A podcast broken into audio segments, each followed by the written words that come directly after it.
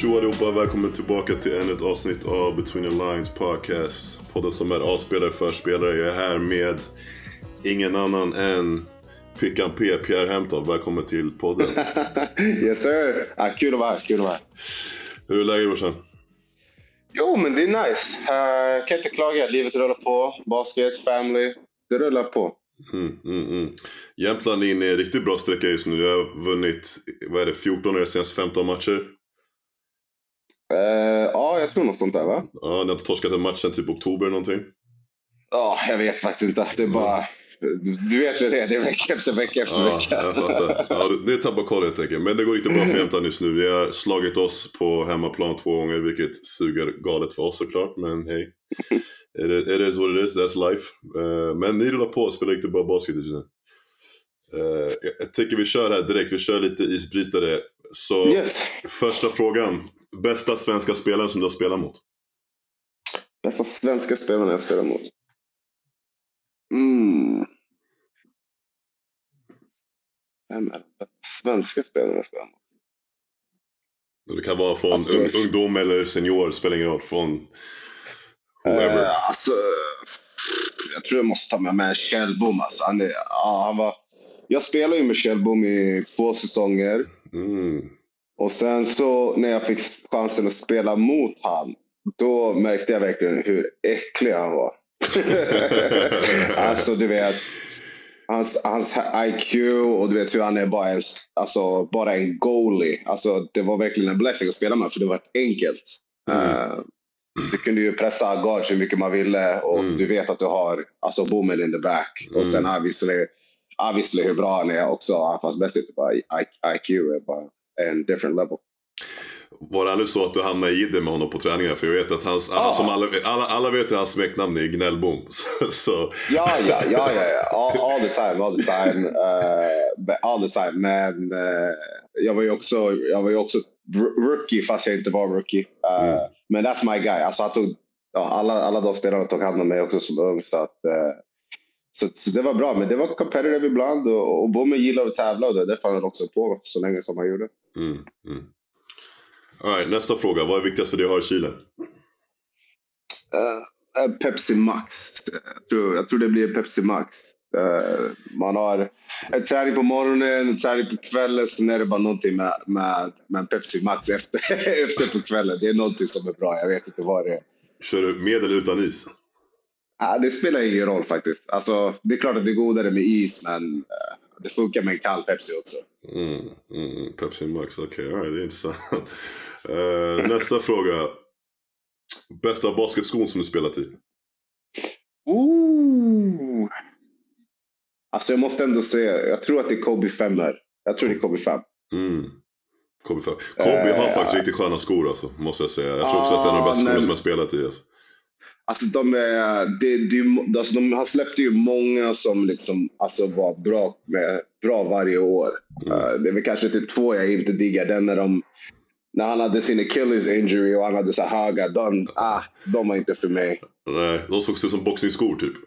Ja, exakt. De var inte för mig. Jag, jag hade faktiskt ett par sådana, men de var inte för mig. Mm, nej, jag förstår det. Nej, det sjuka, jag kommer ihåg när jag gick i college. Jag hade en polare som gick runt med dem, alltså på gatan. Ja. Alltså såhär swagged out, förstår du? Som det var såhär, som de var nice. Jag var så bro, that's Ja, men du vet hur det. Oheads, de har ju typ på sig. De rockar ju alltså, Kobes med alltså, vanliga kläder. Och sånt. True, Men, true, ja, true. Det, det, är, det är alla olika flavors. Ja, sanning. Den är inte min, men...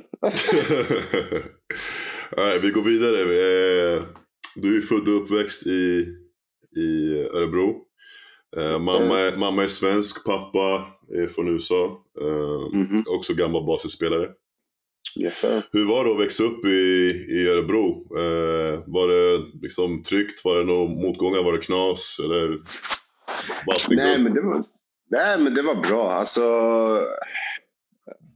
jag, eh, vi, vi bor i ett ganska tryggt område. eh, och eh, faktiskt så var det, det, det var lite, inte tufft. Jag kom på det lite senare, men det var ju liksom annan kultur. Jag menar, jag var också, jag är, jag är mixed race. Mm, det, det, det var ju lite annorlunda också. Uh, jag menar, jag spelade bara hockey och fotboll först. Uh, Mm. det var mina liksom, go-to-sporter. mm, Uh, så, så det, just då, du vet, jag hade rakt hår och eh, man försökte hitta sin identitet. Uh, och det ska jag inte sticka under stolen för. Det var, alltså, när man tittar tillbaka på det, obviously då, då tänkte jag inte så, men när man tittar tillbaka på det uh, så var det nog lite så absolut. Men inga problem. Uh, jag var ganska idrottsinriktad hela tiden. Väldigt, en good son om man får säga så. Jag vet inte, alltså väldigt så här ja, men hålla på med sport, var hemma, mamma och pappa och sen alltså under lång tid. Jag menar, jag gjorde nog inget extra activities förrän jag var typ 18. Mm. Uh, så jag kan inte klaga på det. Bara väldigt mycket idrott, hängde mycket med polarna, oftast hemma hos moms och paps. Uh, spela tv-spel, alltså det var typ den åldern. Mm. Uh, så det var ganska lugn. Hur, du nämnde att du spelade både hockey och fotboll. Vad, vad var det som vad fick du att testa på just de sporterna? Men jag tror att det var liksom, eh, man formar sig lite med, med folk som man går i skolan och umgås med. Uh, och då spelade, där, i, där jag gick i skolan, då spelade man fotboll eller hockey. Uh, så då drogs jag, och jag var en idrotts, jag kommer från en idrottsfamilj så att, uh, det var det det drogs till först. Sen så skulle jag vara anti att jag inte skulle spela basket bara för att jag ville vara anti paps och inte gå i hans fotspår för någon anledning. och så, så blev det hockey och fotboll och, och sen bara hockey för att jag hade slatter. Så då valde jag bort fotboll. Uh, kom in på basket när jag var 13, så det är ganska sent. Mm. Uh, men ja, sen 16 var jag tvungen att välja vilken man skulle elitsatsa på, hockey eller, eller basket. Mm. Var det också en sån där kid som brukade hänga i hallen typ och kolla på din farsa kanske när han tränade hallenmatcher och såna grejer också? Ja det, ja, det blir lite som med min dotter nu. Mm. Uh, det blir Just automatiskt det. att man hänger i hallen. Uh, och jag var ju där, han hade träning, Mams kanske jobba. Då var jag tvungen att följa med och, och, och sitta och titta på eller leka med bollen eller whatever man... Ja, nu har man ju padda och allt möjliga aktiviteter nu, men back in the day så satt man ju där bara liksom och drack sin juice och, och, och kollade. Mm. Blir det lite så nostalgiskt för dig nu när du sitter med din dotter i hallen eller när de är med på dina tränare? Tänker du tillbaka som du säger eh, att du gjorde samma sak med din pappa eller till och med kanske tränade ännu mer basket eh, även nu kanske i senare ålder? Liksom.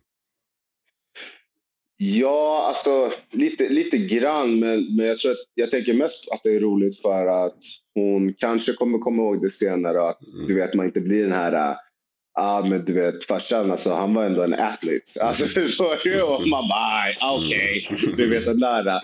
Men nu får hon vara med, och den, eh, med mig på, på den resan som jag och min familj gör. Så det, det, alltså det, det är superhärligt. Mm. Det är inte som att man kan jobba på ett vanligt jobb och ta med sig sitt barn. Liksom. Nej, det stämmer definitivt.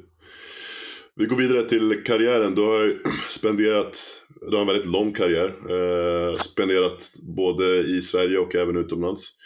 Eh, du flyttade till Uppsala när du var 16, eller hur? Yes. Ja, och börjar egentligen din karriär där i, i SBL Uppsala? Eh, eller? Ja, det är lite smyg. Alltså det, jag flyttade ju, så, så tränade jag ju lite med, med här laget. Mm. Uh, men uh, bara liksom i truppen så. Uh, som ja, många, många har idag, vilket är nice. man lär sig väldigt mycket. Jag hoppas att de inte tar det för givet. Mm. För då, då var det tufft alltså. Mm. Och, få få en plats i, i här laget. Så mm. min första karriärs, liksom, att man började, det var ju blir väl när jag flyttar hem mitt sista år i gymnasiet till Örebro. Mm. För att spela. Ja just för Uppsala var ju också väldigt starkt. Man får inte glömma på den tiden. Alltså alla de här som nu är i vuxen ålder. Viktor Gaddefors, Anton Gaddefors, Axel Nordström som nu har gjort comeback. Um, Marcus Eriksson, Jonte Persson, Andreas Persson. Alltså listan går ju, den är en mil lång. Ja, Viktor Gaddefors. Ja. Eh, alltså våra morgonträningar var ju var competitive. Ja, det kan jag tänka mig. Eh, definitivt. Det, det, var, det var en nice move. Jag, jag sökte ju till Sanda eh, och kom inte in. Mm. Eh, och då blev det Celsius uh, istället. Men uh, det slutade med att det var en riktigt, riktigt bra fit för mig. Så att, mm. Exakt.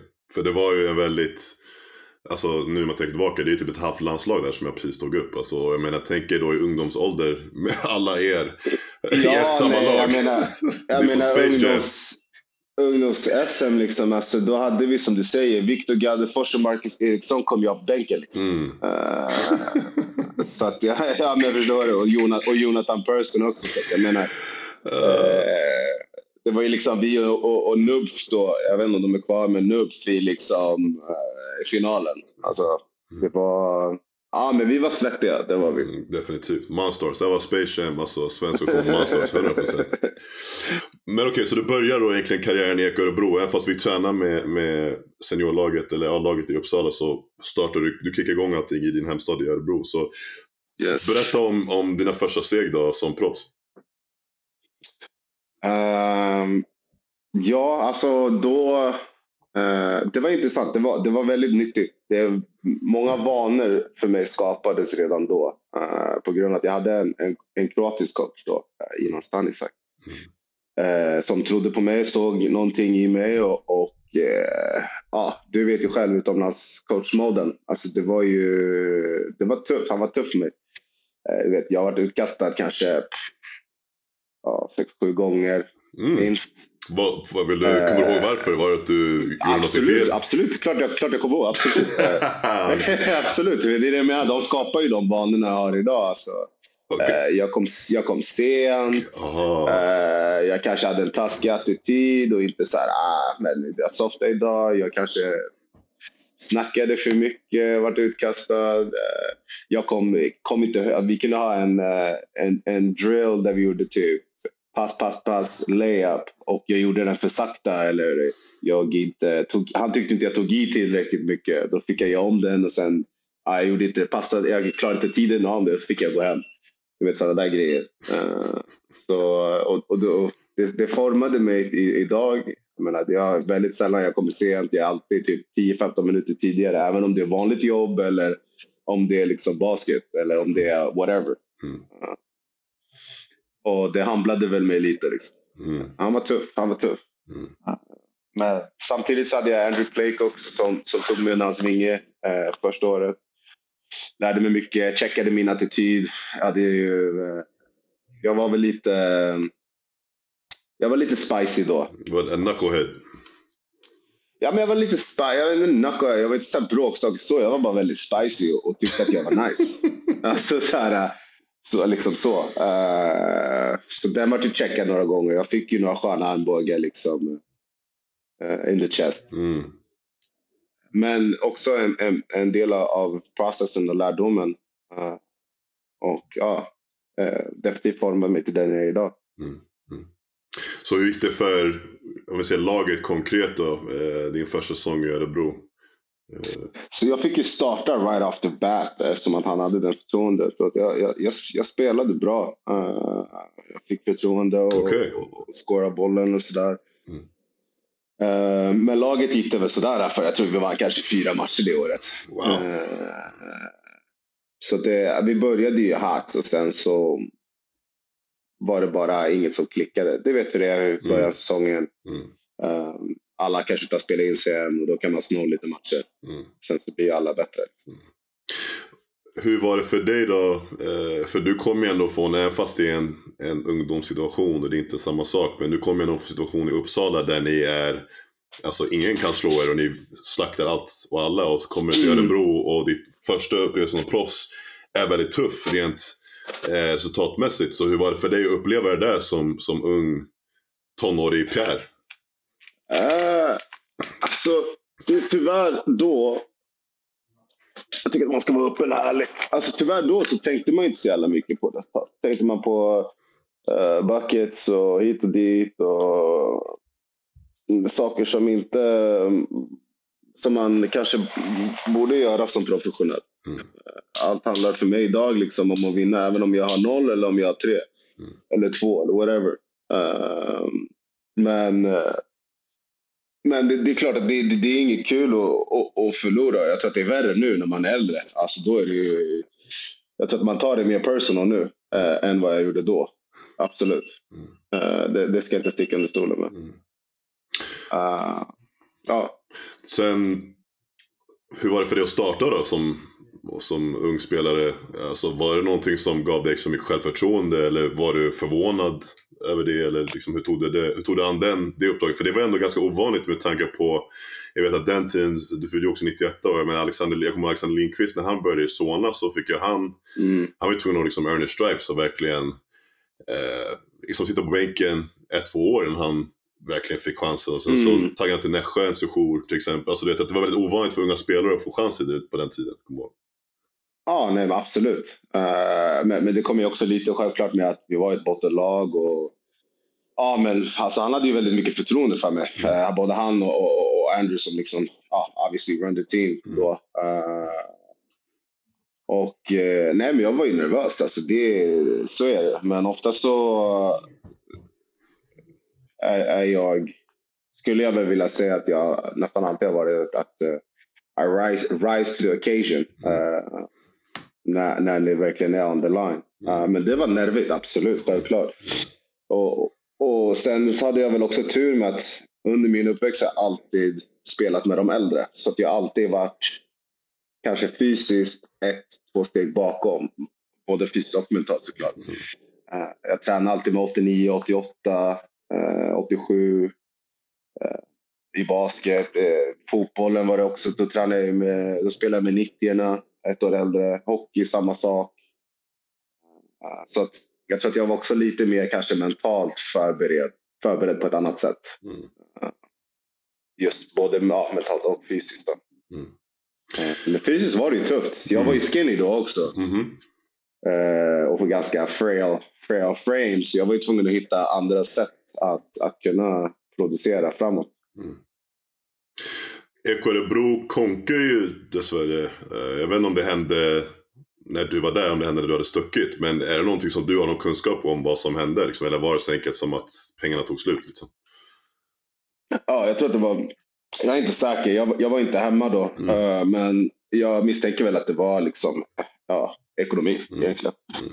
Uh, ekonomi. Och sen Örebro som stad är ju en, uh, en idrottsstad. Jag tror när jag var där, då var vi ju number one idrottsstad i, i Sverige. Mm. Uh, när det gäller elit. Alltså, sport, alltså hur många sporter man hade i elit liksom, nivå. Så från, Så man konkurrerar ju med mycket. ja, jag, jag förstår det. Så från Örebro eh, så hamnar du i Norrköping Dolphins, där jag är nu. Eh, berätta om den övergången, för nu går du ändå från en klubb som var eh, färsk, inte hade så mycket historia till en klubb som har väldigt mycket historia och kanske lite högre förväntningar. Eh, så berätta Mm. om, om den övergången. Men det tror jag att, jag, jag tror att vi, vi snackade om det en gång. Det var, ju, det var den övergången där jag visste inte om jag skulle gå på college eller om jag skulle dra till Norrköping. Men så blev det ju ja, såklart Norrköping. Mm. Eh, så det var, det var rätt tufft. Eh, det var ett tufft beslut. För att, just för att, ja, för det första att Paps var sugen på att jag skulle dra på college. Mhm. Eh, och sen också att eh, det var väldigt bra skolor som ville rekrytera. Eh, Vilka var det? Kommer du jag ihåg? stod just, vad är Ja, det gör jag. Eh, Stanford, Mm. eh, San Diego. jag pratade med USC, Alabama, Sheesh. eh, Boston College, Wow. eh, Syracuse. Eh, ja, så det var en del bra lag. Mm. Det var en del bra skolor, kan man nog säga. Galet. Ja, och det var ju för att egentligen för att jag, ja, hur de hade sett mig var för att jag var med i Adidas-laget. Eh, på som, sommaren, det var i LA och då hamnade jag med Adidas-laget. Ah, så AU circuit Där eller? Ja, exakt. exakt. Okej. Eh, det, var ett ganska stort eh, ja, lag. Jag tror de heter Pump, Pump Brothers, något sånt där. Okej. Jag menar, jag spelade typ, alltså i mitt lag var Tyler Honeycutt. Det var, vad heter han? Eh, han spelade ju i Arizona, gick till Dirk Wi- Williams. Dirk, Dirk, ah, eh, Dirk, eh, Dirk, Derek Williams. Dirk Williams. Han, han spelar ju han spelar i Euroleague nu. Jaha, um, ah, ehm, jo, jag vet inte menar. Eh, heter han De- Derek Williams? Jo, kanske heter Derek Williams. Ja, Derek Williams. Ja, Ja, jo- alltså, jo, Derek Williams, ju-. Ja, sen har jag typ två andra grabbar som jag tror också spelade lite liga. Så att jag hade, vi hade ju ett rätt bra lag. Mm, Eh, så då fick man ju automatiskt rätt många skolors attention. Liksom. precis. Eh, men i alla fall, det blev att jag skrev på i Norrköping. Uh, och det var också så här, då kände jag att det var, det var rätt val och uh, jag ville satsa på Europa. Och obviously, Dolphins är Dolphins alltid varit Dolphins och det var en stor grej. Jag, jag var otroligt glad den, den dagen mm. jag skrev på de papperna och att vi också skulle spela i Europacupen. Mm. Så du fick din första taste i, av Europaspel när du var 19 då, typ, eller 20 eller? Mm, ja, jag måste väl ha varit 2021 va? 2021 till och med, okej. Okay. Så berätta om den upplevelsen när du får, får testa på att spela Europaspel mot riktigt bra lag kan jag tänka mig. Um, och ja, berätta om hela den upplevelsen. Ja, men det var samma sak där också som jag sa förut. Man rise education och man var supersugen och supertaggad. Uh, superkul. Uh, och samtidigt så hade jag också otroligt bra spelare runt, uh, runt, runt omkring mig och, och, och verkligen uh, hade bra guidance. Mm. Det, det, var, ja, det var kul. Det var en av de roligare grejerna jag gjort i min karriär. Mm. Och så då, vilka var i laget då? Det var Kjellbom då antar jag som var i laget. Micke Lindqvist. Micke Lindqvist, var han där? Ja. Ja, eller kom han tillbaks andra året? Jag kommer inte ihåg nu. Men vi hade, det året hade vi... Uh, vad hade vi för superstar-lag det året? Vi hade ett bra lag det året. Mm. Vi gick ju vidare i andra rundan. Till och med? Wow. Ja, uh, uh, vi gick till andra gruppspelet. Jo, men mycket var, nog, mycket var nog med faktiskt. Mycket var det. Han, han, vi spelade ju Toffas hemma och den avgjorde han på straffkast. När, ja. Eh, så det, han var med det året. Jag tror Bommen kanske också var med det året. Mm. Jag kommer tillbaka nästa år. Nej, jag kommer inte ihåg. Mm. Det känns som att det var ages ago. ja, nej, men det är, tiden går fort. Det är så med närmatcherna. Alltså, det är som du säger, tiden bara flyger på. Man, alltså, säsongen flyger på. Man har spelat helt plötsligt tre, fyra matcher på. Ja, det, det är ändå tio år sedan. Ja, exakt. År sedan. Ja, exakt. Du har ju till och med gjort det längre än mig. Liksom, så jag, jag, jag hör det. Alltså. Eh, men du har spenderat två år i Norrköping Dolphins. Och mm eh, sen så går du vidare och hamnar i England. Eh, första stoppet blir i Plymouth där det kanske inte går så jättebra för laget men du har en av dina breakout-säsonger. Eh, mm. Så berätta om det. Uh, ja, det var, det var tufft men samtidigt för att uh, jag gjorde det klassiska. Uh, man satt och gjorde waiting game. Uh, så jag kom ju halv, jag kom ju halv, uh, efter halva säsongen. Satt och väntade på jobb. Uh, så fick jag en call och då var det Plymouth och, och så åkte jag dit. Uh, men det var exciting, vet. Första, jobb, första giget utomlands, jag säga. Första jobbet utomlands, så man var ju taggad och, och visa och sen försöka göra ett bra intryck och sen röra sig upp i uh, näringskedjan tänkte jag säga. Mm. Men upp i, i rang på, i basketvärlden. Uh, men det var också tufft, för vi förlorade ju mycket matcher där också. Uh, missade slutspel, men ja, som du säger, det, det gick ju bra för mig personligen. Jag tror jag vann scoring title det året också. Mm. Kommer du ihåg hur mycket du snittade? Jag tror att det var 19 någonting, komma någonting. Okay. Men så du nämner att innan du fick giget, du väntade, kom in halvvägs in på säsongen typ, så då går du bara och väntar mm. och väntar.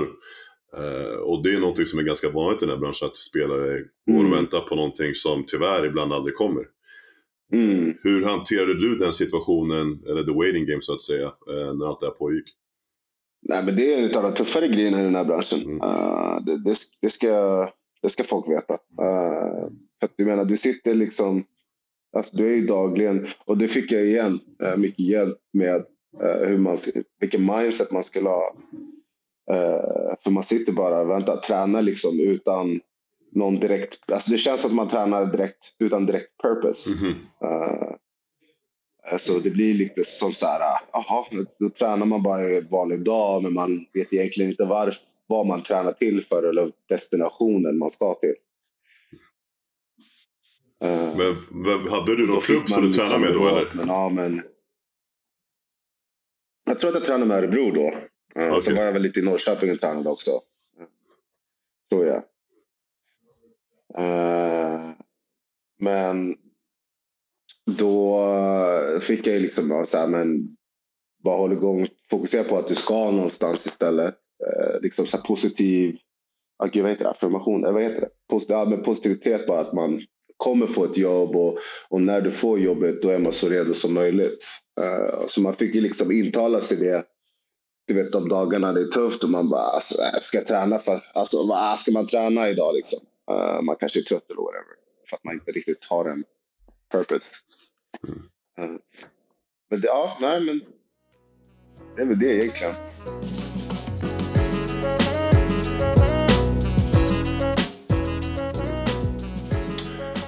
Så sen som du nämner, vi pratade om du vinner scoring title det året. Det går jättebra för dig personligen, laget är inte lika bra. Vad har man för mentalitet som spelare då när du har ett lag som strugglar men det själv går det jättebra för? Hur handskas man med de två olika känslorna? För det är ändå så här, man är någonstans också glad för sin egna skull men man vinner inte matcher så det blir som att man inte riktigt når upp till det resultat man vill ha. Men det blir som att det är typ så som en yin and yang eller så att det är eh, ängen mot eh, Angel vs the Devil om du fattar vad jag menar. Ja, hur, hur, hur handskas man med det liksom? Det är liksom hängigt men samtidigt så blir det liksom också så här. Uh, Okej, okay, men vad kan jag göra för det bästa för mig själv också? Tyvärr. Det blir ju lite så. Uh, Okej, okay, men kan jag göra någonting som påverkar min situation inför kommande säsong? Alltså det blir ju tyvärr så. Mm. När det är så pass illa liksom. Mm. Uh, men det, det suger ju. Det, det hänger liksom också i alla fall ändå. Uh, det går bra för en men det är inte tillräckligt för mina matcher. Mm. Uh, och i slutet av dagen så är man ju en competitor. Allt, det handlar ju om att vinna. Uh, och det, det, förstod, det förstod jag ju lite mer sen. Men uh, ja, det räckte inte till och, och då var man tvungen att okay, hitta på någonting så här. Men då måste jag förhoppningsvis spela bra för jag, kommer, jag är ju bara signad här ett år så då får, fick jag ju tänka ja, men då får jag spela bra så att jag kan spela somewhere else next year mm. och drive mm. and win games. Mm. Hur var stämningen i laget då? Kommer du ihåg? Jag antar att det var ganska keff stämning i laget. Var det typ att alla hatade varandra också? liksom? Hur var det i klubben? Så? Var, var det press från klubbens sida också på er? Eller? Ja, absolut. Uh, du, vet, du vet själv, utomlands no joke. Alltså, mm. De vill att man ska spela direkt och jag var, tror jag var skadad. Jag trodde nästan då en, en gång min minist gick. Jag fick tre veckor på mig. Om jag inte är back då uh, skickade de hem mig till Sverige. Uh, så det var ju bara att strappa knä, uh, grå knee brace och, och, och sen köra efter typ en, en och en halv vecka tror jag. Wow. Uh, men, men jag har haft tur. Jag har faktiskt tur i, i min karriär när det gäller den delen. Alltså mina lagkamrater, hur bra lagkamrater jag har haft. Alltid har varit good vibes, alltid haft polare som man fortfarande har kontakt med hör av sig liksom, ja, men, året runt. Mm. Så, så, på det sättet har jag haft riktigt tur. Mm. Och det, alltså det kan ju gå både höger och vänster med det. För jag vet också när oftast när man är i sådana situationer i lag där eh, det inte går så bra och resultatmässigt mm. så är det lätt att man börjar peka finger liksom att det blir, att man splittras helt enkelt. Och så i slutet av året kan det vara så att alla hatar varandra liksom, att det är massa så här animosity. Eh, ja men absolut, det blir ett virus. Det blir, det blir bara så funky och mm. som du säger peka finger och sen så bara, ah, men, right, man, I'm gonna get mine mm. och du vet hela den här moden. Mm. Så, men men jag, jag har faktiskt turen och, och ändå haft så här, riktigt, riktigt bra människor uh, i, i, laget. Mm. Men för Plymouth så hamnar du, du stannar kvar i samma liga, du är kvar i England i BBL, men du hamnar i Leicester där det går riktigt bra för dig och för laget. Så du får med dig båda där. Eh, ni vinner mm. ligatiteln tre år i rad. Peats. Three yes. eh, och ja, vad mer? Alltså, det, ni vinner trophies, ni vinner the cup, allting. All-star. Eh, det är där jag spelar mot dig för första gången sen jag spelade i Täby Basket på 91 och du spelade Bro. Eh, och mm. vi mötte varandra i vad som kommer att bli typ den, en av de första All-star games som jag tror de haft i, mm. i, uh, in O2 Arena. Um, och det var inte ett vanligt All-Star-format där man valde in spelare utan det var ett format där alla lag fick vara med och man körde speciella regler. Kommer du ihåg det? Jag kommer inte ihåg det. Jag kommer ihåg, det var ju såhär fempoängslinjer och sådana dumma dumheter. Bara, Ja, ja, alltså ja.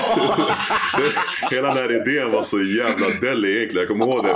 Och det här var min första gång i England. Jag var såhär, vad fan är det här för någonting? Det var, för det var såhär Ah. fempoängslinje från halva plan, fyra poängslinje från eh, typ me- mellan halva plan och trean. Så var det tre, tvåor och ettor. Och så fanns det typ såhär Ja, en, en klocka där man kunde slå på och så fick man så här, två minuter bonus där typ varje poäng var värt dubbelt. Ja, och så, ja, ja, det var så bonus round. Ja, och så det var så retarded alltså. Jag fattar ingenting alltså. så var det flygande byte. Ja, det var sjukt. det var Flygande sjukt. byten, det var så hetsigt. Jag, Ah. de, alltså, de, jag är så glad de skrotade den där. Jag tror de körde det efter, året efter jag stack också tror jag. Men efter, jag tror att efter det när de skrotade den igen, alltså det var så kaos. Alltså. Ja, jag, jag, jag, tror att jag, jag tror att de sa, för jag, jag hade ju lite eh, kontakt med eh, de som liksom styrde upp det där. De Mhm. ville ju typ spicea upp basketen och göra en så här, de skulle få dem att få folket att tycka att det var lite intressant eller något, så här, något sånt där. Jag, Det var så kaos alltså. Interest, interesting i alla fall, det kan jag ju Ja, säga. det var definitivt interesting. Men för oss spelare var det så kaos. Jag kommer ihåg att vi åkte ut typ efter andra matchen kommer jag ihåg. och, så, och jag fattade inte att det var det. Så jag satt i omklädningsrummet och så bara okej men det är nästa match. Och så kommer jag ihåg typ att Theo eller Alex bara yo that's it we're done. Jag bara va? Jag bara, jag bara, det, var det var- det var så jävla, det var, typ såhär vinna eller försvinna format. Alltså det var så keft alltså. Det var så keft. Ja det, ja, det var sjukt var det faktiskt. Jag hade glömt bort det. Det var jävligt sjukt. Nej, jag, jag kommer aldrig glömma det där alltså. För jag kommer ihåg att vi tränade på halvplansskott under träning också. Typ. Alltså inför det där. Ja, jo, jo, för det var ju fem, fem poäng. Fem poäng, exakt. Det var crazy. Fast grejen är, jag vet inte om den, är, alltså om din är crazy, eller min första match i där borta var också så här, alltså, alltså jag var, vart är jag? I, I Leicester eller i Plymouth? spelade nej, jag tror det var i Plymouth. Okej. Vi spelade ju Manchester då, och då när, det var när de spelade i frysboxen. Ja I just, det. just det. Just Alltså, det, just det. Så då bara, okej, det är frysbox. Det är typ så här stora alltså element, så här, alltså, eller så här fläktar som bara blåser in på plan. alltså, och det vet vi ju hur The Gym såg ut. Och sen bara, så hade de bara en speaker som bara sprang runt och bara pratade under matchen. Och jag bara, men alltså är jag ju typ en pro AM och bara, oh, Hampton with a crisscross coming up. Oh, fade away shot. Och så springer han liksom med mig på sidlinjen. Jag bara, vart är jag? Alltså det var så himla sjukt. Alltså. Det var typ min första experience. Jag bara, what is going on? jättebra marknadsföring för BBL just nu. Nej, nej alltså, nu, nu ska vi inte säga så mycket. To be fair, de har faktiskt elevatat som alltså, alltså riktigt mycket nu. Definitivt, jag med. Uh, obviously med London Mm. och alla de här och Leicester. Mm. Jag menar, två Euro, Eurocup-lag. Mm. London går ju bra som helst. Så att det är ju inte vad det var då. Nej. Och Manchester också, de har också gjort en Mm. galen rebuild. Faktiskt. faktiskt. Det är flera Eh. lag som har gjort rebuilds där faktiskt. Men, Så, men konkret för er Vi ska inte skrämma folk. Nej, nej, nej, men det, för sant, just nu vi sågar sönder. ja, jag vet. Jag kom på det. Men, men ja, det är way better nu. Ja, det är nästan. Men så för dig konkret i Leicester, du var där i tre år eh, och ni vinner Mm. 3P. Uh, berätta om, om, om det. Du är på toppen av, av isberget tre år i rad. Eh, nej, men det var nice. Det var också en till motgång jag hade. Jag bröt ju... eh, jag hade en Jones fracture. Bröt femte, femte benet i foten. Eh, Mm. Jag var borta ett år. Det var ett tungt år. Pappa hade ju cancer. Jag bröt foten. Wow. Så det var ett tufft år. Jag var borta ett helt år den säsongen. Var det första året eller? Så efter Plymouth så skadade jag mig. Mm. Och då var jag borta ett helt år och sen så kom jag till Leicester. Så jag var ju liksom verkligen så här, shit, jag kommer inte få någon call. Var jag liksom på noll igen. Mm. Eh, och då var det Leicester som ringde sig. Och obviously visst vet man ju om Leicester, spelade med Leicester och, och vad de är för klubb och organisation. Eh, så jag var super excited. Mm. Eh, och ja, men där föll väl väldigt mycket pusselbitar på plats för mig. Mm. Ja. De tre åren där. Du nämnde att din, din uh, såklart det här är ju en personlig fråga, du får dela med om du vill, men du, du nämnde att din- pappa fick cancer. eh, så var det här Mm. då din, var det samtidigt som du var hemma emellan Plymouth och Leicester, eller var det när du kom till Leicester som det hände? Nej, det var literally, alltså efter Plymouth bröt foten och sen så fick man de beskeden lite typ i, eh, ja men mot, mot vintern liksom. Okej. Uh, om det var november eller oktober, det vet jag inte, men någon, någonstans däremellan. Okej. Så vad var det för typ av cancer? Uh, ja, den var ju godartad, men den, det var någonting, kommer ihåg vad det var. Det var typ på stämbanden. Wow. Uh, vid halsen. Uh, Okej. Som han plockade bort då. då. Uh, nu är han ju Gucci. Mm. Det var, det var worrying times, det var det. Förstår det. Uh, det var, ja, då var man, uh, som de säger, down the rabbit hole. För Det var Mm. liksom tufft mentally med, med, med Paps och sen också med, med min situation. Mm.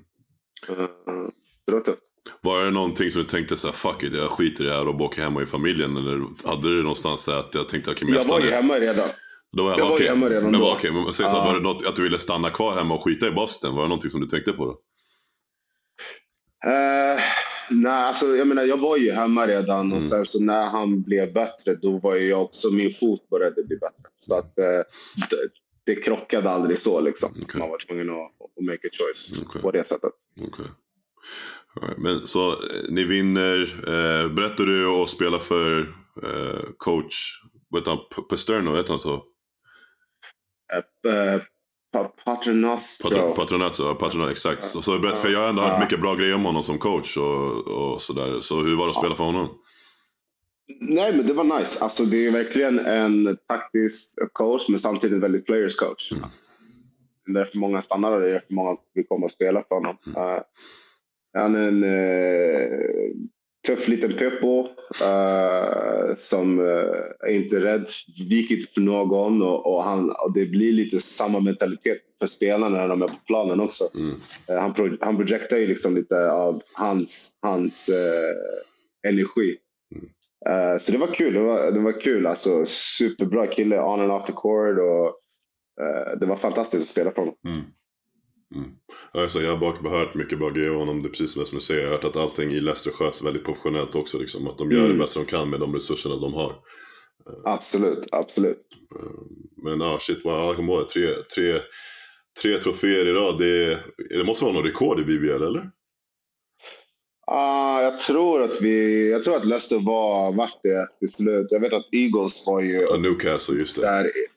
Men eh, sen tror jag att vi tog stafettpinnen. Mm. Just det, För att jag menar, de fortsatte ju vinna efter jag drog också. Så att, eh, exakt. Eh, Det, det stämmer nog att de har mest trophies, det tror jag nog. Mm. Så från Leicester så sticker du över till Lettland och hamnar i BK Jurmala. Uh, Jurmala. Jurmala i, i Lettland. Ehm, en säsong som präglades av mycket motgångar, väldigt mycket motgångar. Mm. Eh, men innan, innan vi kommer till det, nu har du ändå varit i, i England i fem år. ehm, eller i fyra år. Och Mm. Ja, tre och en halv. tre och en halv, fyra år. Och Ja. det blir någonstans, kan jag tänka mig i alla fall, som en typ bekvämlighetszon eller till och med kanske ett andra hem för dig. Eh, var det Mm. svårt för dig att lämna eh, England efter så många år? Eh, det, var, det var tufft på sättet att, som du säger, liksom, alltså klubben, människorna runt omkring och sånt, de, de tog verkligen hand om, om oss. om mig och wifi. Då. Mm. Eh, och Rob och, och liksom hela den kulturen. Men samtidigt har jag alltid velat, du vet, uh, elevata hela tiden. Mm. Uh, jaga, jaga till en bättre, jag vill vara pusha mig själv, veta vart jag kan gå. Så, så på det sättet, basketmässigt var det inte så här supertufft, men just att lämna det här andra var, var lite svårt. Mm. Jag förstår. Eh, Men ja, Så när du kommer till Lettland då, hur var det första intrycket då? Ehm, det var lite annorlunda. Mm. Det var lite annorlunda, boendet var lite annorlunda. Eh, jag tror jag bodde i en loft. eh, med, no, med no heat. Uff. Så jag sov, sov ju med fjällräven och sånt. Eh, och träningen var ju on another level. Det var något nytt. Jag har aldrig varit med om någon nå liknande träning. Och där var det också en ny grej som också formade mig lite igen. Uh, annorlunda där, jag, där träning är viktigt det och, och allt det här andra med vatten och stretch roll, du vet. Alltså gör man inte de grejerna med där jag var då, alltså då kan du inte gå imorgon. Mm. Och ja, alltså träningen var så intens. Det var den jobbigaste preseason jag någonsin haft i mitt liv. Mm. Det var konstant, Mm. konstant så här 100 procent, 100 procent. Jag menar, vi gjorde typ shooting drills. eh, springa till corner, du ska, du ska verkligen vara in the corner. Komma av hårt. Alltså det var bara så här uppvärmningsdrill. Och så skulle man värma upp innan. Och, eh, Står du på sidan då ska du dribbla den hårt. Bap, bap, bap, bap. Alltså det var bara en helt annan mentalitet. Ja. Det var... Nonstop. Ja, det var... Det var, det. Nonstop. Ja, det låter det var tufft. Mm.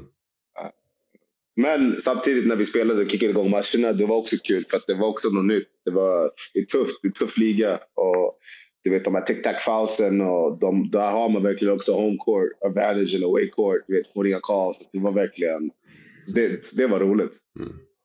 Ja, det, jag kan tänka mig att det är lite mer fysisk basket där än vad det kanske är i Sverige. Att man tillåter mer saker. 100 procent. Mm. 100 procent. Mm. Hip check, eh, jag vet inte, bumps, eh, alltså, ja, get to the cup. Alltså, då är det, alltså, då är det så här, ah, lay you out. Mm. Då får du kanske en foul. Hur gick det för, för, för, gick det för er i laget och hur gick det för dig personligen? Eh, Eh, För laget gick det ganska bra. Eh, vi spelade jämnt mot uh, BK Ogre.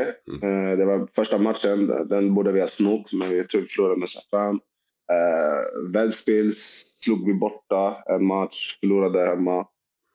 Eh, det är de två topplagen egentligen då. Jag vet inte hur det ser ut nu. Och sen har vi Sibef Liga. Eh, de smackade oss. Men, men det gick ganska bra då. Och jag tror att för mig personligen var det också, spelade också ganska bra. Jag var, jag var den bästa shapen jag någonsin varit i mitt liv. ja, det kan jag tänka mig.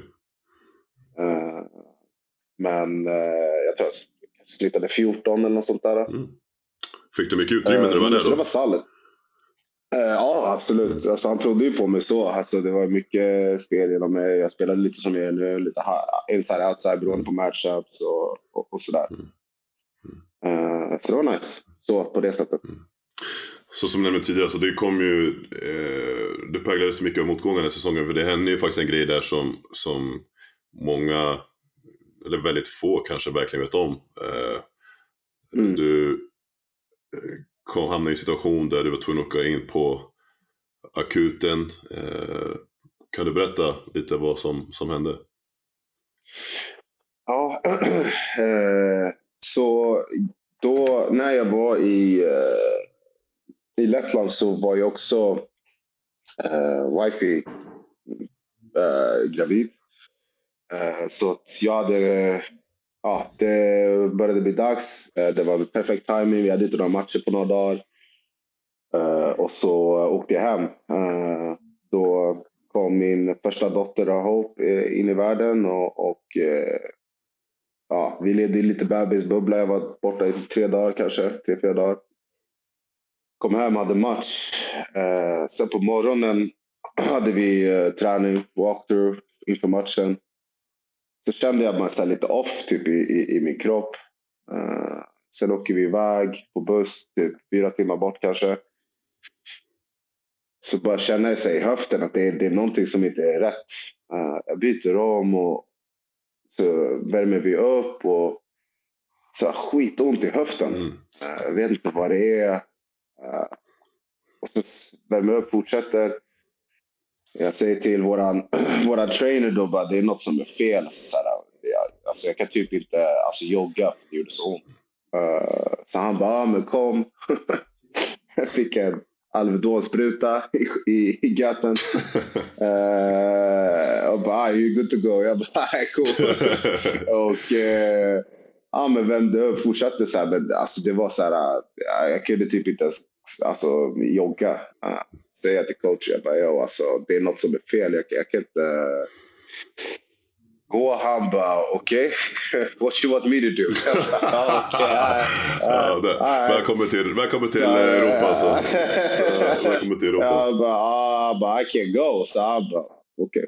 Okej, jag bara, nej. Så satte jag mig ner, så, så, satt jag och tittade liksom på matchen. Jag försökte så här, pusha grabbarna att stå så, men jag kunde typ inte ens ställa mig upp och sätta mig ner. Mm. Sen, eh, har vi snack efteråt. Vi vann den matchen och han, han eh, pratade om hur, hur weak jag var. På riktigt? Uh, och, och så, ja, ja, ja. Vad, sa han? Kommer du ihåg eller? nej, men det var ju liksom så I'm proud that uh, you guys fought. Without uh, some players. Uh, du vet, så här, jag tittade på mig. uh, och jag bara, right. uh, jag hade så himla ont så jag fokuserade inte så mycket. Och sen så uh, satte jag mig på bussen och på väg hem så började jag få så här galen frossa, svettades. Alltså, så här, kunde typ inte alltså, sitta ens. Mm. Och jag så, uh, vad ska jag säga, inte dum, men jag är så ah, I'll be good tomorrow, I just need to sleep it off. Mm. Typ. Uh, går och lägger mig. Uh, går in till mitt rum och så, eller till min ja, loft och lägger mig. Och, alltså bara galen feber. Frossa. Kan inte typ så här, röra mig alls. Alltså, varje rörelse jag får så får jag ont i höften. Eh, jag ringer då min min eh, lagkamrat Edgar Shiramanos då, som jag spelade med tidigare. Och bara, jag, alltså, jag bara, du måste komma hit. Så kommer han dit och ja, jag kan inte röra mig. Han ringer, uh, han ringer akuten. Uh, de kommer dit, de kollar på mig. De bara, ah, vi åker in. Kan du röra mig? Nej, jag bara, nej. Och så, så de slängde de mig på britsen och ja, senare, alltså jag hade ju så ont så jag visste inte ens vart jag var. Typ. Uh, så jag åkte tydligen runt, fick jag veta efteråt, till typ tre olika sjukhus tills jag hamnade till deras typ main. Då, då. Wow. då var jag inlagd där. Uh, så visade det sig att det var en abscess i höften. En blodförgiftning. Från blodförgiftning då, uh, från min tå. Och då hade det fått, vad hade det fått det för? För ett skavsår typ då eller? Ja, ett skavsår eh, från, eh, på tån som hade blivit infekterad. Som ja, hade då fått blodförgiftning. Eh, och då hade det bildats en abscess, typ en infektionsknöl som satt eh, i höften nära massa nerver. Därför kunde jag inte liksom, röra på mig. Wow. Eh, och eh, Eh, då var det också knas för då gav de mig eh, antibiotika som min, min kropp tydligen rejectade. Så då fick jag problem med njuren också. Då var det också lite stökigare och ja, de kunde typ inte riktigt förstå varför jag hade ont. Uh, eller hade så, hade alltså, så visade det sig att jag hade den här knölen. Då, mm. Jag tog en MRI. Men jag kunde inte, alltså jag kunde inte, jag låg alltså jag kunde inte ens röra mig. Så det var, det, var, det var sjukt. Det var hela grejen. Alltså man skulle skriva en bok. Det är bara en sjuk upplevelse. Mm. Uh, man var ju på, jag var i ett rum. Jag var, för det första var jag på så mycket drugs som det bara gick. Uh, och sen så, uh, sen så var jag i ett rum med typ fem andra pers. I ett rum. Folk hade blöja och det var bara bajslukt överallt. Alltså, nej, men alltså, det var så sjukt. Det är en kille som bara jamade. Det har jag typ på video. For no reason. Uh, en, en kille kom in och jag tror tyvärr, God bless his soul, han gick ju bort. Mm -hmm. uh, han bara kom in och bara skrek en massa. Sen typ, två dagar efter så var han bara inte där. Alltså det var, ja, det var sjukt. Det var sjukt. Och jag förstod inte hur sjukt det var förrän min syster och hennes band då kom ner och hälsade på mig eftersom att jag var fast där borta i 17 dagar. Och också wifis pappa kom. Eh, då sa de ju det, alltså, när jag kom hem, bara, alltså, du förstår inte hur, hur sjuk situation du precis var i. Mm. Liksom, hur, alltså, ja, men hur dirty det var, hur liksom maten och jag hade ju liggsår liksom, uh, för att jag inte rörde på mig. Och jag hade typ så här, på min rygg jag bara, det var en dag, jag tror jag pratade med wifi, jag bara, alltså det är någonting, för då hade jag kunnat resa på mig lite. Alltså med bara ryggen liksom. Och hon bara, jag bara, det är någonting som luktar, men jag vet inte vad det är för någonting. Jag bara, jag har ändå rockat deo. Jag bara, det är, jag vet inte vad det är. Jag, visst, jag har inte duschat på typ tio dagar, men jag bara, vi har ändå tvättat mig under armarna och, och du vet sådär. Så, lyfte jag på min rygg och kollade bak. Och bara, då var ju hela så här, täcket typ gult Oh. och brunt. Oh. Så då var det bara min back. Så jag, jag, jag legat och svettat och min back hade bara, alltså det var, ah, Oh. alltså Elias, det var, it wasn't it. It wasn't it. Fy fan alltså. Men så, så du, det här pågår alltså i Lettland och du, du, det här händer alltså några dagar efter att du fått din första dotter? Så det, så alltså- det går egentligen från att ha så här, total eufori över att du har fått din första dotter till att hamna i total misär på sjukan i, i Lettland? Ja, och eh, jag kunde inte heller komma hem för att jag hade ingen hemförsäkring. Så shoutout till eh, folks, skaffa den där hemförsäkringen. Det var ju liksom eh, för att jag skulle ta helikopter hem så var det typ 200 kor. Wow. Ja. Eh, Så jag var ju tvungen att vänta ut tills, och de kunde inte sätta mig på planet heller för att man inte visste då hur den här abscessen skulle, vad som skulle hända med den. Så jag var ju tvungen att vänta ut tiden tills jag kunde sitta i en rullstol och åka Tallink hem till Sverige. Mm. Ja, för du fick inte flyga? Nej. Okej. Men vad gav läkarna dig för prognos då? Alltså sa de typ såhär någon tabell på när du kunde kanske komma tillbaka? Eller förstår du? Vad, vad sa de för någonting? Nej, alltså när jag kom hem till Sverige så sa de så ja ja men vi vet precis vad det där är. Uh, det, där hade vi gjort ingrepp direkt. Så då hade de uh, typ tagit en, uh, ja, men någon typ av spruta och typ så här, sugit ut den här uh, infektionsknölen. Då. Så, så var jag ju i, i ja men jag var ju tvungen i så här, typ rehab och, och, och rest och, och vänta på den här infektionen typ gå ut ur kroppen. Och det kommer bli bättre. Och, och sådär. Men jag kommer ihåg, jag satt liksom. Jag tror jag hade tre dagar efter jag hade kommit hem så fick jag gå, här, gå åka rullstol ner till så rehab-grejen. För jag kände bara att jag var tvungen att göra någonting. Kommer ihåg, jag satt där på en så här, du vet, så här cykelveva för bara armarna. Mm. Yep. Så kommer jag ihåg att jag kände så här, alltså jag höll på att typ bryta ihop då. För då kände jag så här, yo, I might not be able to walk again. Wow. För jag kunde ju liksom knappt sitta. Jag, menar, jag tog en dusch i en sån här um, sittdusch typ Wow. 18 dagar efter, ja, efter 18 dagar. Jag kunde liksom inte sitta, jag kunde inte stå, jag kunde knappt gå. Så, så jag, jag trodde ju att jag kanske like, yo, I might not be able to walk again. Mm. Så alltså att komma tillbaka till basketen, det var ju inte riktigt så här in my mind. Nej. Jag ska veta ärlig. Nej. Och hur, hur var det för dig att vara i sån sårbart, alltså i sån sårbar status, alltså du är så pass sårbar då, liksom, i hela den miljön. Och hur var det då liksom, framför sin familj och folk som tycker om en och älskar en och bryr sig om en liksom, verkligen. Hur var det att verkligen blotta sig så för folk liksom? Nej, men det var... Uh, jag tror att det var det som som, som, som uh, gjorde att man liksom ville fortsätta go forward. Uh, den kärleken, jag menar alla, alla, alla mina nära och kära kom ju liksom och hälsade på mig. Jag fick se min dotter igen.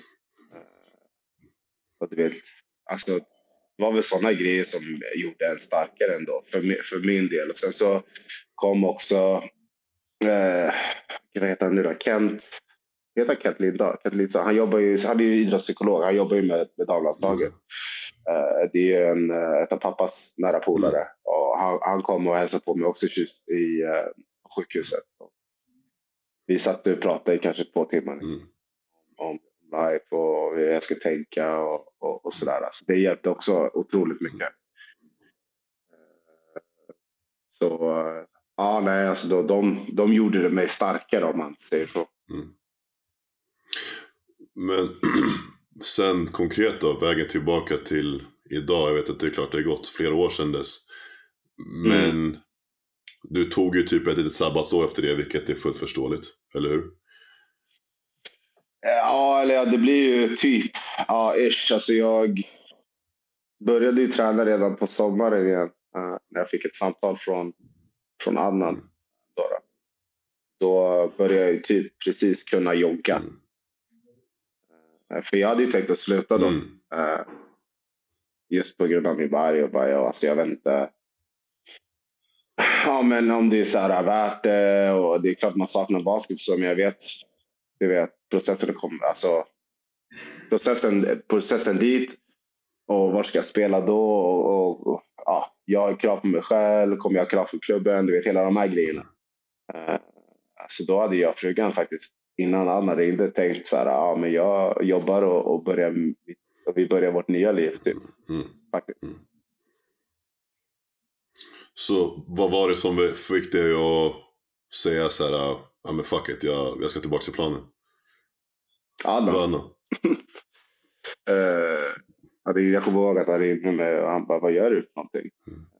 Jag bara, nej men, nej, men jag jobbar, jag eh, säljer elavtal. Mm. Eh, det var ganska bra och eh, ja, Örebro, jag frågade hur jag mår och min body och, och sådär. Och jag sa att jag, alltså jag, jag har tänkt att jag, jag ska sluta. Mm. Då pushade han mig om att, ja, men att, att, eh, att, jag, att jag hade mer att ge och att, att jag kan komma tillbaks och att, att ha både han och klubben kommer inte lägga för mycket press på, på att du kommer tillbaka. Det får ta den tid det tar. Eh, och obviously så kände jag ju innan coach så var jag, var jag ju ändå lagkamrat och, och kompis till honom. Så att jag vet att han, han menade de orden när han sa det. Liksom. Den tryggheten. Mm. Eh, Och då pratade jag och, och wifi om det. Och hon sa jag, jag stöttar i dina beslut och är det det du vill göra, du känner att du har så kvar att ge, eh, så är jag med på det tåget. Mm. Nu är jag här. Hur var då första tiden tillbaka på planen igen då? Jag kan tänka mig att det är bokstavligen för dig blir ju som att lära sig att gå igen. För du tappade ju nästan förmågan att gå, eller stå eller vad som helst, röra dig. Ja, det, det tog ju ett tag. Jag menar, det är bara att kolla på bilderna från första året till det här året. Eh, jag är otroligt, jag var rätt skinny det året. Vi gick ju ner från 98 i Lettland till 86 på 16 dagar, 17 dagar. Shit. Så det, det var ju en, en uppbyggnadsprocess, men som igen, jag menar, jag, jag hade ingen press så eh, utöver mig själv, men ingen press utifrån. Och, och eh, så hade jag, vi hade de bra team här i Jämtland och, och, fys, och Mm. Thomas Nässon var fystränare så att, som jobbade med mig. Och, och eh, det, det är klart, det var tufft. Ja, alltså, det var tufft att komma tillbaks, men samtidigt så fick det ta den tid det tog.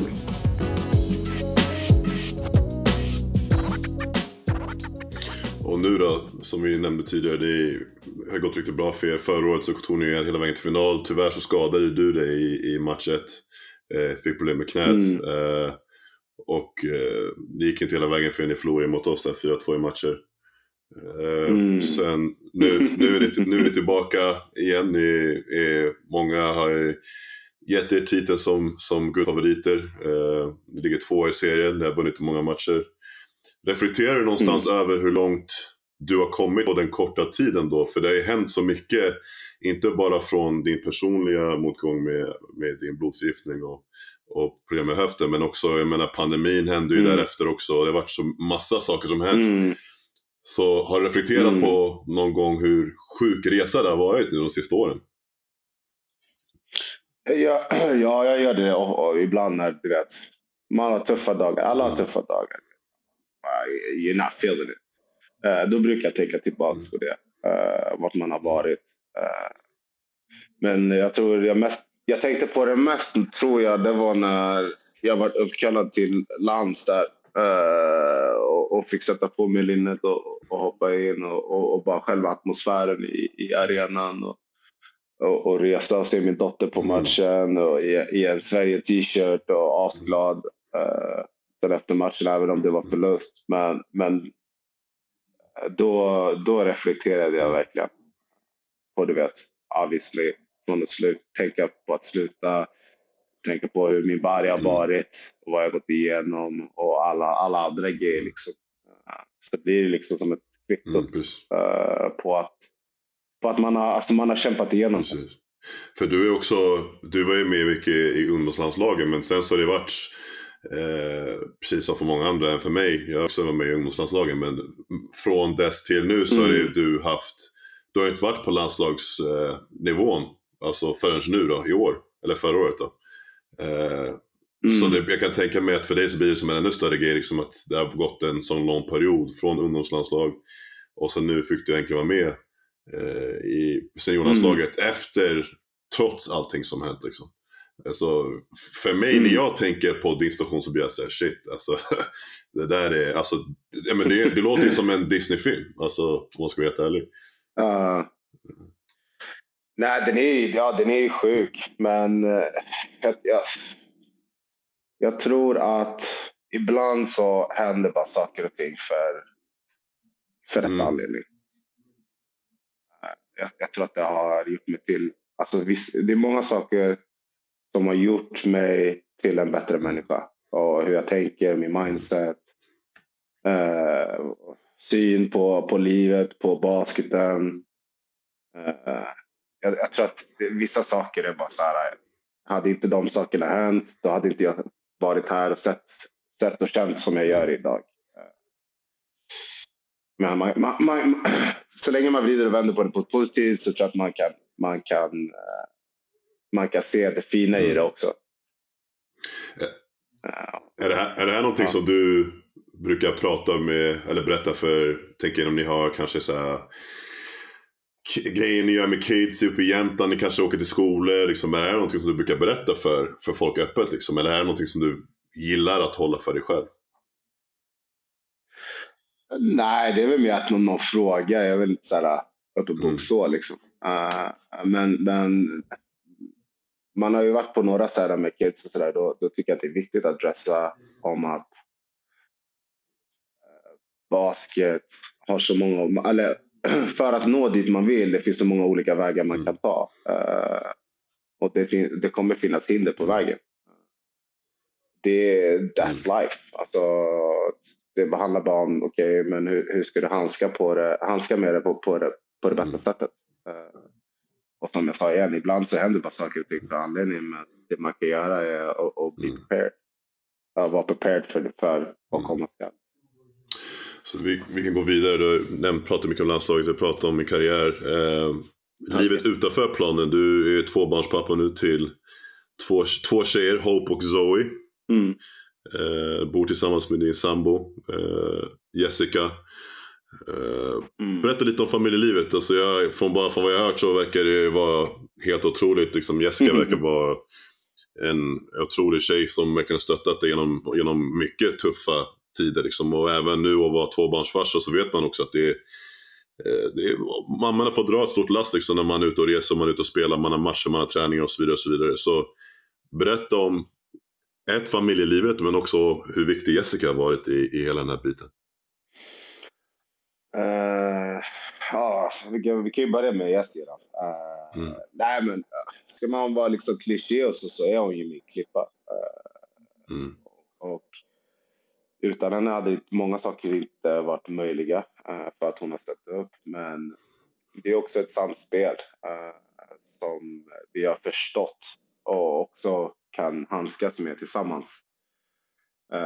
Det är klart, hennes karriär blir ju, hennes karriär blir ju pushad bak lite mer. Eh, hennes fokus på jobb och, och hennes karriär på det sättet. Men sen har vi också liksom förstått att basket är inte heller forever. Eh, vad som helst kan hända. Nej. Obviously, som vi har Mm. pratat om. Och, och, och sen bara allmänt body-wise, alltså age- age-wise. Mm.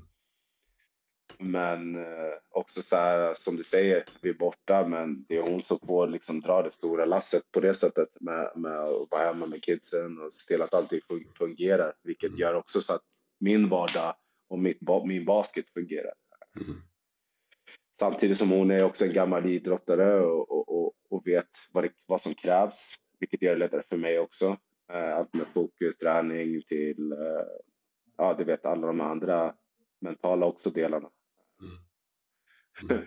Spelar jag dåligt, då kommer jag få höra det hemma, vilket jag gillar. Ah, det där var inte så jävla bra. Ah, du var inte så bra idag. Nej, varför gjorde du så? Ah, eh, vilket jag gillar. Eh, ja, nej, men så att eh, hon är ju liksom, vad ska man säga? Jag tänkte säga något helt kallt. Väggarna till huset, jag vet inte vad det är. Det Nej, hon är själva, hon är själva, hon är själva grund, ja, exakt, hon är grunden liksom. Hon ja. sätter grunden, hon är grundpelaren liksom som håller, håller taket uppe helt enkelt, eller håller huset. 100 procent. Ja. Så, uh, så, så, så Hope och Zoe då, du har, blivit pappa, du har fått känna den känslan att bli pappa två gånger. Så för mm. oss som inte vet hur, hur, hur den känslan är, kan du, om du ska försöka sätta ord på det och hålla sin dotter i, eller sitt barn i, i famnen första gången. Hur känns det? Ja, men, alltså, det är bara sjukt hela grejen. Alltså, det, det hela, allt från liksom, magen och, och, och hela den resan till uh, hela the birth. Det, det var ju det var vilt. Till, uh, ja men sen är hon bara ute och, och, och så ligger hon där på sitt bröst liksom. En liten, lite, liten person. Alltså, det, är, mm. ja, det är overkligt. Det är overkligt. Uh, och, kärleken och man, man känner, eller jag känner, vi kände liksom så här, ja men ingenting annat matters. Mm. Längre. Allt, alla materiella ting, alla, alla andra problem man har, liksom, alltså de går alltid först. Mm. Det blir som en ny kärlek när man verkligen är så kär. Till exempel om man är bara kär i en, en person. Alltså, det är mm. så här, ja, det är mäktigt. Det är mäktigt. Och sen också veta att det är liksom yours. Det är blandning mellan dig och, och wife eller vice versa. Liksom. Mm. Det, är, ja, det är, det är någonting speciellt. Hur var det för dig också? För det, alltså pappa och vara förälder, det, det, det är någonting som man lär sig liksom med tiden. Det är ingenting som man har en blueprint på från början. Så hur har det varit för dig att lära sig att vara pappa? Ja, nej, alltså det där, alltså. Du, jag tror så här. Alltså, du kan läsa mycket böcker och sånt du vill, förstår du. Man kan vara lite prepared, men alltså det är så mycket saker som du vet, man lär sig on the fly. Alltså mm. det, jag tror inte det finns några, några tider tillfälle till. Mm. Uh, men, uh, Nej, men det, det, har, det har varit kul och det, det, det kändes ändå ganska naturligt på något sätt. Mm. Samtidigt som jag känner att jag är väldigt klar med många saker så att jag känner mig rätt bekväm. Uh, wife känner sig också likadan. Det här med mm. att vilja resa och mm. ja, vet, gå ut på festival, du vet sådana där grejer. Det är så, jag är klar med sånt. Mm. Så att det, det, det, känns bara rätt skönt att vara med hennes resa, se henne ta sig först steg, sen att se dem ta säga Dada för första gången, du vet alla de här grejerna. Det är bara så häftig, surreal grej. Mm. Så det har bara fallit in ganska naturligt. Mm. Och sista frågan innan vi lämnar familjen och går vidare till något annat. Hur var det för dig att byta din första blöja?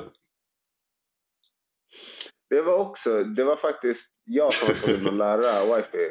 Jaha, wow! Ah, yes. wow, curveball, det trodde jag faktiskt inte. Ja, men det är bara för att alltså, mina polare, de, hans sista hade då sin första son rätt tidigt när jag var yngre, när vi var yngre. Så var man tvungen att göra sånt och så sov man och sådär. Så, så det, det, var, det var inget. Okej. Okay. Men det var, det var mysigt däremot. För de kissade på mig direkt. ja, de kissade på mig direkt. Så, det var så här, ah, okej. Okay. All right, I'll ride out the gate. så, uh, men, men tung är du då som, som ändå hade koll redan innan. Alltså, det är faktiskt lite, du får lite vuxenpoäng där faktiskt. Att, att, ja, uh, smooth ändå. ja, sanning. Sen att de kissar på dig direkt, det var ändå, ja. Men ja, fan kul alltså. Där ser man alltså. Right, vi, vi går vidare. Så vi stannar utanför planen. Eh, mm. Du har ju andra intressen såklart, precis som vilken spelare, vilken människa som helst. Du mm. håller dels på med mode. Det var ju ett tag där du jobbade på Volt faktiskt efter att du eh, ja, jobbade tillbaka från din pers i, i Lettland. Eh, mm. Så var det där du blev intresserad av mode? Eller var det någonting som du alltid haft liksom, sedan du var yngre? Nej, men det kommer nog från, från, från morsan och farsan faktiskt. Uh, de satt alltid med så här, de var ju lite så här innemänniskor. Och, uh, pappa var ju DJ och de, de hade redan lite så här nos för fashion redan då. Jag som liten hade jag alltid någon så här coola grejer på mig. Sen har det nog bara så här, ja men fastnat med mig. Uh, jag var alltid utmanande och, och, och brydde mig inte så mycket vad andra tänkte från ganska ung ålder. Vilket var ganska intressant. Jag kommer ihåg, jag var en, jag ska inte nämna namn, men en kille som sa så här, något som jag har admired var att även hur mycket vi retade dig och sånt för din outfit och vad du hade på med så brydde du dig aldrig. Mm. Du kom nästa dag i någonting vildare eller hade någonting annat på, på dig. Liksom. Um, så jag har väl alltid varit lite så här bold och lite så här fashionintresserad. Mm. Så nästa fråga då. Eh, du också verkar som, i alla fall om man har lite koll på dina sociala kanaler, så verkar det som att du har intresse av ibland att uttrycka det konstnärligt och, och faktiskt plocka upp penseln och måla och rita och lite sådana grejer. Eh, mm. Det är också, är också någonting som har kommit nu med tiden som du kanske använder som någon form av terapi eller är det någonting som du kanske haft som ett intresse vid sidan om sporten under en längre tid?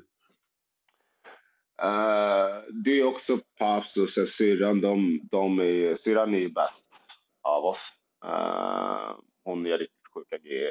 Uh, men pappa pluggade i art major college och sen har han varit okay. lärare i 40, 40 år eller vad det var. Wow. Innan han var pensionist. så det kommer väl lite därifrån. det har väl alltid varit lite så smygintresse men det har väl kanske inte varit att jag har man var ju upptagen med så mycket annat så jag satt ju aldrig hemma och ritade så. Om det inte var bild. Liksom. Mm. Ja. Det har väl kommit lite mer nu senare. Man tycker att det är mysigt att ha lite tavlor och sånt uppe. Och, ja, men man har målat något till polarna och, och deras kids. Och, och det, jag tycker det är skönt avkopplande. Man förs, jag försvinner, försvinner lite i, i, i målningen. Mm. Det blir liksom allt annat bara försvinner. Att man bara är fokuserad på det. Mm. Mm. Är intressant att se, för din, du nämnde att din pappa är, är, är bildlärare. För min mamma är också bildlärare och har varit det tror jag, i ja, 30 år här i, i, eller i Stockholm. Då. Um, mm. Men jag är ju faktiskt, både jag och min brorsa Samuel uh, uh. är färgblinda. Så vi har ju liksom inget, inget artistisk uh, skill om man säger så, där vi kan uttrycka oss i färg för vi har inte riktigt koll på vilka färger som är vilken utan vi blandar oftast ihop färger. Mm. Eh, men det verkar som att du har, har, inte är färgblind, eller du kanske är det ändå men har, har, ja, det är klart att du har skill och kan måla ändå även fast du är färgblind. Eller jag vet inte, för det är ganska vanligt bland män det har jag förstått. Ja, det kanske jag är. Ingen aning faktiskt. Mm. Men eh, nej, jag tror att mina colors är ganska on point. Okej, okay, right, God bless. För, jag, som sagt, alltså för mig, det kan vara ganska illa ibland. Det kan komma till en punkt att jag kanske jag ska handla kläder typ och jag måste facetima med min morsa och bara ah, mamma är den här brun eller grön? Alltså förstår du? Det kan vara på... Det kan ja, vara den, är, alltså, den är rätt sjuk alltså. jag svär. Den är riktigt sjuk. Det, det är knas, det är riktigt knas. Jag märkte det, jag vet det här sen, sen länge, länge, alltså sen jag gick i grundskolan. Ja. Fast jag har inte, alltså folk, alltså kids kan komma fram till mig, ja men varför är gräset eh, brunt? Det är grönt. Alltså jag bara, eh, ja. Förstår du? Jag bara, jag vet inte. Jag, det är en fantasivärld. Alltså, förstår du? Jag bara... Så vad, vad är moden om du liksom äh, åker bil då? nej, nej, nej, jag ser, ja, nej, jag ser rödljus, sånt där, sånt, där, sånt där ser jag. Det är mer att det finns vissa färger som är lika varandra som rött och grönt, grönt och brunt. Ah. Eller färger som har alltså, andra färger i som det makes sense, som jag kan blanda ihop. Det heter någonting. Så eh. funkar den här, du vet de här typ, uh, de här bilderna som det är så här och vad är den här skon då? Och så, vet, alla har typ olika perception, alltså perceptions på vad det är för färg. Uh, du bara grått då? Eller vad är, vad är din mål? Uh, vilka, jag vet inte vilka du menar. Skor? Alltså... Ja, men det finns så här tröj, det kan vara så här, en bild på en tröja eller en bild på ett par skor. Och sen så om man frågar olika personer så ena Aha, personen ser grönt, andra personen ser typ såhär rött. Ja, jag fattar. Ser du bara grått då? Nej, nej, alltså jag ser inte, jag ser inte svart, för jag ser färger. För mig handlar det mer om att jag kanske inte riktigt vet vilka färger jag verkligen tittar på. Alltså jag blir osäker. För att, dels för att jag ifrågasätter mig själv, för att jag vet att jag är färgblind. Och två, för right. att jag är färgblind. så det blir ah. mer den grejen, liksom, att jag bara inte... Så det finns ju, man kan göra ett test på internet där man ser, det är massa färgpluppar i en cirkel. Och så ska det finnas mm. färger i mitten som ska bilda en siffra. Typ så här. Mm. Eh, mm, ah. ja, det, kanske man, det, finns, det fanns i biologiboken, kommer när man gick i skolan, grundskolan. Ah. Och många av de där siffrorna, jag ser inte dem. Jag ser bara massa färgpluppar liksom. Ah. Så, så det, jag det, blir, det, blir svart, det, det blir målat svartvitt. Ja, exakt. Och det är inte, det är inte alls så kul. Sjuka, Ja, det finns sjuka paintings man kan göra med, med svart och vitt. Ja, det finns sjuka grejer man kan göra. Kanske, men det är inte alls så kul. Alltså, man vill ändå ha lite färg i tillvaron ibland. Alltså. Fair enough. Men nog om det, vi går vidare. Vi, vi kör några quick hitters, några avslutningsfrågor innan vi, vi tackar för idag. Eh, så första frågan, din game day-rutin, hur ser den ut? Uh, det är upp med kidsen, frukost. Uh, skola eller uh, så är det inte skola. Uh, sen är det shoot around. Lunch. Uh, sen uh, försöker jag ta en uh, liten nap om det går, en timma max. Uh, pasta carbonara dagen innan, jag vet inte om det räknas som det till. Pasta carbonara dagen innan, eller bolognese. Okay. Och sen är, det, sen är det game time. Så, så när du äter frukost och sådär, äter du något specifikt på game day också? Nej. Eller det, det är vilket som? Nej, det, det, det är en, en macka, lite, lite yoghurt med lite granola och sen, ja, that's about it. The juice. Classic. Så du, okej, okay, pasta carbonara eller bolognese dagen innan? Okay. Mm, right. Ja, men någon sån här uh, spaghetti-mode liksom dagen innan. Okej, okay. right. eh, Nästa fråga. Eh, ett album du kan lyssna på utan skips?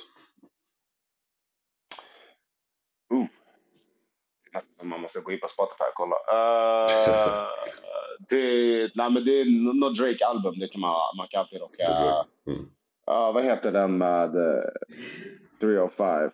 305 to my city. Uh, var inte det... Uh, var inte det... Um, oh, nu står det stilla i huvudet.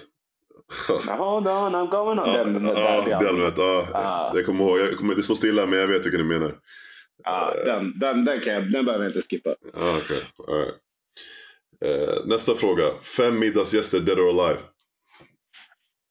Ah. Fem middagsgäster, dead or alive.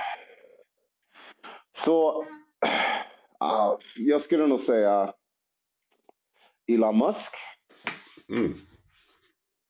Yay. Alltså Kanye? Jajamän. Kobe. Oh lord. Uh, uh, uh,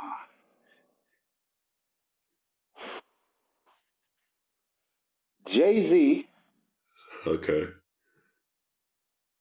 Oh. oh. Sen måste jag nog ha en, en, en, en av mina boys med, så då säger jag Andrew Blake. Andrew Blake. För att bara du vet såhär cyphra allting. ja, det, det blir nog mycket. Det, jag tänker bara, bara med Elon Musk och Kanye så tror jag att det kommer vara mycket. Ja, exakt. Det kommer så mycket såhär, conspiracy, ah, det kommer så mycket on the table. Alltså mycket hokus pokus. Oh, jävlar alltså. Fy fan vilken stökig middag. Alltså, alltså jag misstänker att Kanye lär ju hålla, han lär ju hålla pall och typ styra och ställa hela samtalet. Ja, ja, ja. Kanye håller ju låda, 100%. Ja, jävlar. Ja, Okej, okay. men det är ändå intressant. Det var bra, bra namn, men intressanta namn också om man säger så. Intressanta individer. Ja, 100 procent. Alltså gruppen kommer ju inte fungera. Men det, det, också, det kommer lite så hetsiga, hetsiga diskussioner. Nästa fråga. Du plus fyra lagkamrater on the black top. Uh, pickup game. Kan vara i Örebro, kan vara i Jämtland, kan vara i Stockholm, var som helst. Vilka väljer du? Uh, alltså är det, alltså är det, det, det är pickup, det är inte det, vanlig nej, alltså, nej, match. Det är en pickup game. Uh, um, jag, det är J.R. Holder. Mm, från Leicester. Yes. Mm, bucket. Uh, oh, uh, Andrew Sullivan. Mm, också från Leicester. Mm. Ja, det är, det är en Leicester-liga här märker jag. Uh, nej, men alltså han är en OG. Nej, det är han är en OG. Ja. Uh, hmm. Jag tror jag tar med CJ därifrån faktiskt. C CJ Wilson. CJ Wilson, ja, från, från Jämtland? Mm. Mm -hmm. Ja, var problem. Han gav oss problem kan jag säga. Tim var tvungen att... Mm. Tim, jag kan säga att Tim jagade honom som en åsna i sex matcher. Alltså. Han var, alltså, när, efter, efter, efter jag hade vunnit, alltså, Tim, jag, för jag kommer ihåg vi satt och firade och så frågade Tim, är fan inte hype? Han bara, så jag är hype men jag är helt slut. Ah, han bara, jag är helt, jag är helt förstörd. Han var trasig alltså. Ah, och sen... Ah. Oh. Alltså kan man, eh, kan man säga, kan man, alltså, man, har man spelat med de här människorna? Ja, jag sa lagkamrater, så ja, den här gången så är det lagkamrater. Ja, så okay, okay, lagkamrater. Men det kan vara alltså från när som helst, alltså, det kan ju vara från när du var liten till nu liksom. Ja, jag säger Big Stimpan, han är så nice. B Simon Begander? Ja, ja, ja, ja. Han är så, han är så nice.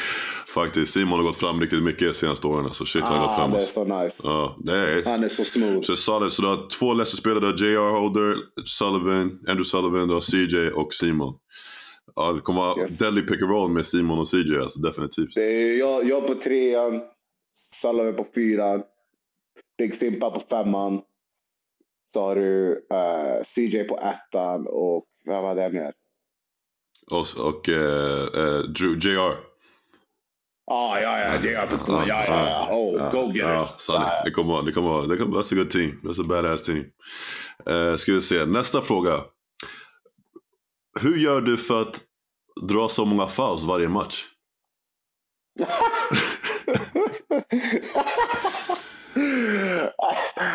alltså, jag vet inte vad jag ska säga. Jag menar, jag spelar fysiskt. Du gör kontakt. Alltså, om jag ska vara helt ärlig, det är oftast kontakt. Mhm.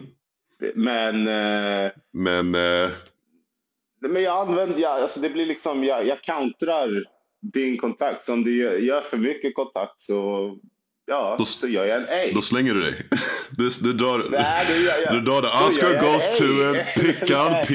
Hampton. Nej, men jag menar, folk kan säga vad de, vad de vill. Men jag har gjort det här i whatever League. Så Mm. att det är så här, jag vet inte vad jag ska säga. Alltså, är true. Det, är det funkar det, för dig.